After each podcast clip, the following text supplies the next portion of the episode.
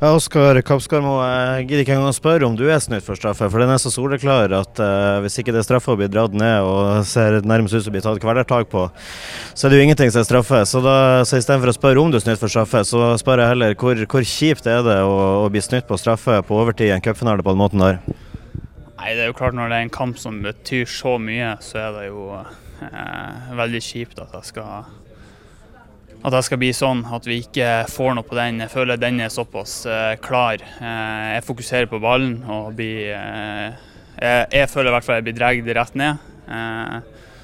og jeg føler ikke jeg overspiller eller noe, så da er den er tung å, å svelge, men sånn er nå sånn fotballen. Man, man, får ikke gjort noe med det nå, og VAR mente jo at det ikke var straffe, så da får vi bare ja, ja, hva tenkte du egentlig, hva skal vi med VAR ikke de sjekker på sånn der, eller ser vel på det, men at dommer engang ikke får beskjed om å ta en ny vurdering på det?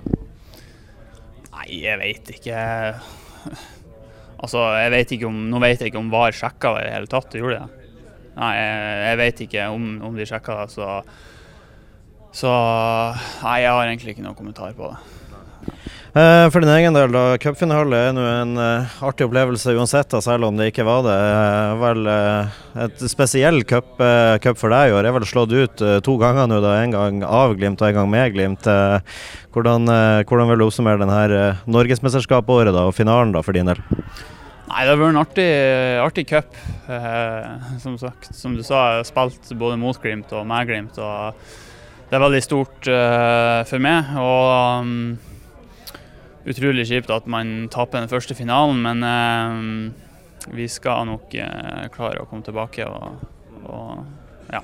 Hvordan blir det nå å skal snu det her og mobilisere mot torsdag? Nei, selvfølgelig Akkurat i dag er det veldig tungt, men eh, på mandag så må vi ha børsta av oss, for da er det Europa som gjelder. Så det er en del av fotballen. og man kan, man kan tape òg, og da, da, må man bare lære å, å børste av seg. Takk, Oskar. God tur hjem.